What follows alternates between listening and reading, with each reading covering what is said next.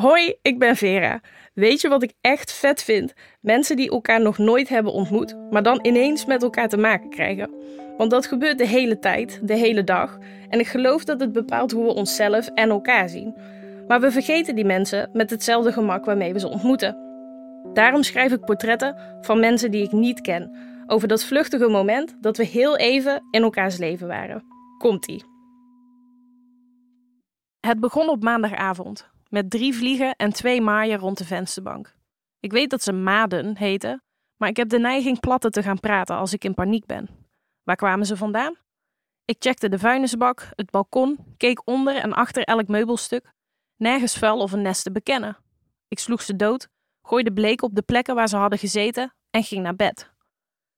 Die nacht word ik wakker van getik tegen mijn slaapkamerdeur. Ik pakte een sleutelbos, stak de sleutels tussen mijn vingers door en trok de deur open. Niemand. Toen tikte er iets tegen mijn voorhoofd.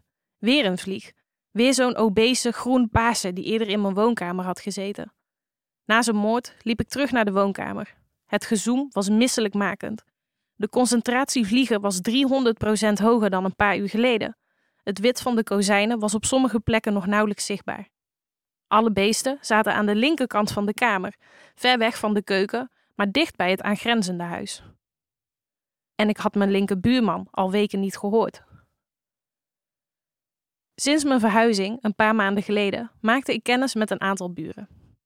Zoals de oudere vrouw, die elke ochtend met haar boodschappentrolley bij de voordeur rondhangt. In haar jaszak zitten, vermoedelijk door haarzelf geschreven, boodschappenbriefje, dat ze op de grond laat vallen zodra je langsloopt. Dan vraagt ze of jij dat hebt laten vallen, waarna ze een gesprek met je aanknoopt. En de jongen van de eerste verdieping, die zijn oude grijze bulldog in de lift naar boven zet en dan zelf de tien treden naar boven neemt, omdat hij aan het trainen is voor een marathon. Mijn directe buurvrouw, die na de eerste kennismaking niet alleen de moeder van de vorige bewoonster bleek, maar ook het meisje waarover mijn oma me wel eens verteld had. Zij woont rechts. Links heb ik nog een directe buur, maar die heb ik dus nog nooit gezien. Wel hoor en ruik ik hem op gezette tijden. Zijn toilet zit parallel aan het mijne gemonteerd, aan de andere kant van de muur. Dus als ik hem daar bezig hoor, maak ik er een sport van simultaan door te trekken. Op zaterdagochtend houd ik mijn raam dicht, omdat ik anders een frietpan ruik. Van de huismeester hoor ik dat hij nogal een kluizenaar is. Een vriendelijke man, maar een man alleen hè. Intussen werd de vliegenplaag erger. Ze zaten op de ramen, in de gordijnen. Sommige vlogen verwilderd rond, andere vielen zomaar dood neer. Na de groene kwamen er ook bruine, nog grotere vliegen. Ik sloeg gif in. Lokdoosjes, spuitbussen, plakstrips. Ze werkten voor de vliegen die er al waren, maar hielden de komst van nieuw gezoem niet tegen. Het gif verminkte de indringers, maar je verschrompelde, vliegen liepen. Twee keukenrollen per dag gingen er doorheen om de lijken op te ruimen. Een week lang belde ik drie keer per dag aan bij de buurman. Geen gehoor. Ik ging op straat staan om te zien of ik iets zag bewegen, maar de gordijnen bleven gesloten. S'avonds brandde er geen licht. De Luxaflex aan de andere kant van zijn huis zat potdicht, maar leek met de dag gele te worden. In zijn postbus zat een enorme stapel brieven. Ik belde de huisbaas, maar die kon hem ook niet bereiken. Aankloppen, aanbellen, opbellen, briefjes onder de deur doorschuiven, midden in de nacht stofzuigen en expres met de stang tegen zijn muur aanbonken. Hij reageerde nergens op. De huismeester wilde even wachten met de politie inschakelen. Misschien was de buurman gewoon op vakantie. Ik zat inmiddels letterlijk met de handen in het haar. Er was een door het gif versufte bromvlieg ingevlogen en die zat vast. In Exodus 8:2032 stuurt God een vliegenplaag op Egypte af, omdat de farao het de Israëlieten had verboden Egypte te verlaten. Mozes bleek de beroerdste niet, hij schoot de hulp en stopte de plaag. Dus bad ik tot Mozes, spoot meer gif, begon zwarte vlekken te zien, wist het verschil niet meer tussen vlekken en vliegen, draaide de kap van de ventilator af en strompelde met onafgedekte propellerbladen door het huis in de hoop een paar ellendelingen te kortwieken. De verhuurder bleek niet te doen aan ongediertebestrijding. Ze bestreden alleen beesten die de woning zelf aantasten. Puur bouwkundig ongedierte, zeg maar, zei de huisbaas.